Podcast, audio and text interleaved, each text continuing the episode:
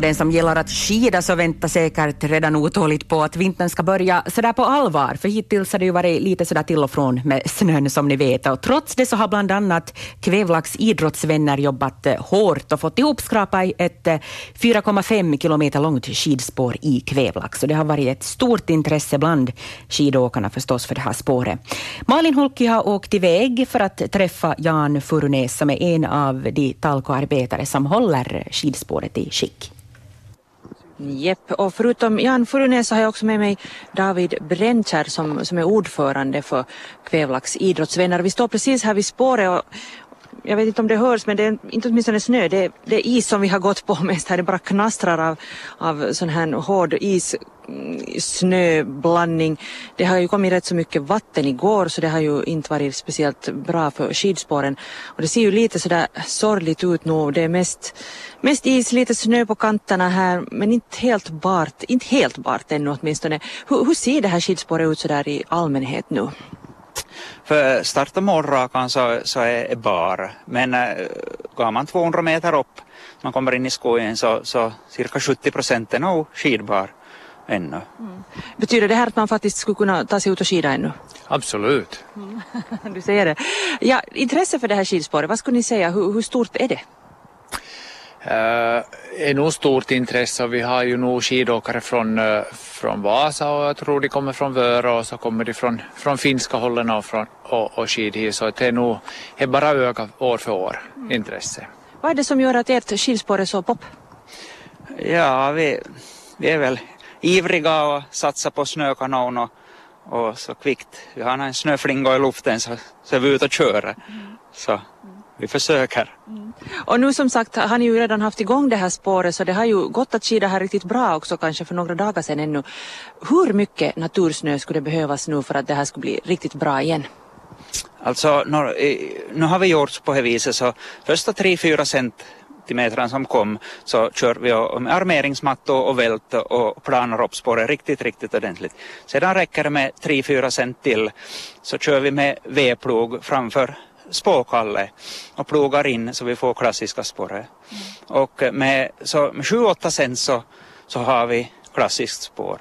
Men äh, då plogar vi in så vi prioriterar ju inte skate utan vi skulle vilja ha upp till 15 centimeter innan 15-20 innan det börjar räcka, så räcker till båda. Mm. Men ni har inte haft igång någon snökanon ännu då? Nej, varit för, för varmt ännu i år. Det skulle borde vara nog minus åtta för att det, och, och utsikter att det hålls några dagar eller lite längre period minus, minusgrader. Mm. No, har ni tittat på prognosen framåt nu? Ja, det kollar man ju nog på hela tiden och det ser ju inte, det är ju plus och minus. Ja, hur, hur knepigt är det här med plus och minus hela tiden om man är en sån här skidspårsfantast? Det blir ju nog svårt. Är ju, är ju, man får ju kanske köra upp spåret eller vi har ju talko, talkogrupperna som är ivrigt att köra upp så fort det finns möjligheter så, så körs det spår. Och, men så är det ju vädret emot oss och, och så smälter det bort igen. Och, Ja, hur mycket arbete är det nu här som ni kan se framför er innan ni igen har ett bra spår här nästa gång? Eh, kommer inte natursnö nu så, så, så startar vi snökanon till det var kallt och, och har vi riktigt kallt så kommer vi 20 meter framåt per timme med snökanon så, så är ju x antal dygn innan man har. Men, men kommer det natursnö så fem cent natursnö, nu har vi ju riktigt bra på nytt. Mm. Så vi får hoppas på fem cent i natursnö, det ska vara en julklapp. Minst fem centimeter. Mm. Hur stort gäng är det som, som jobbar för det här spåret här hos er? Uh, ja, kanske som är mest aktivt med snöproduktion om man säger så är väl en eh, uh, 10-15 personer.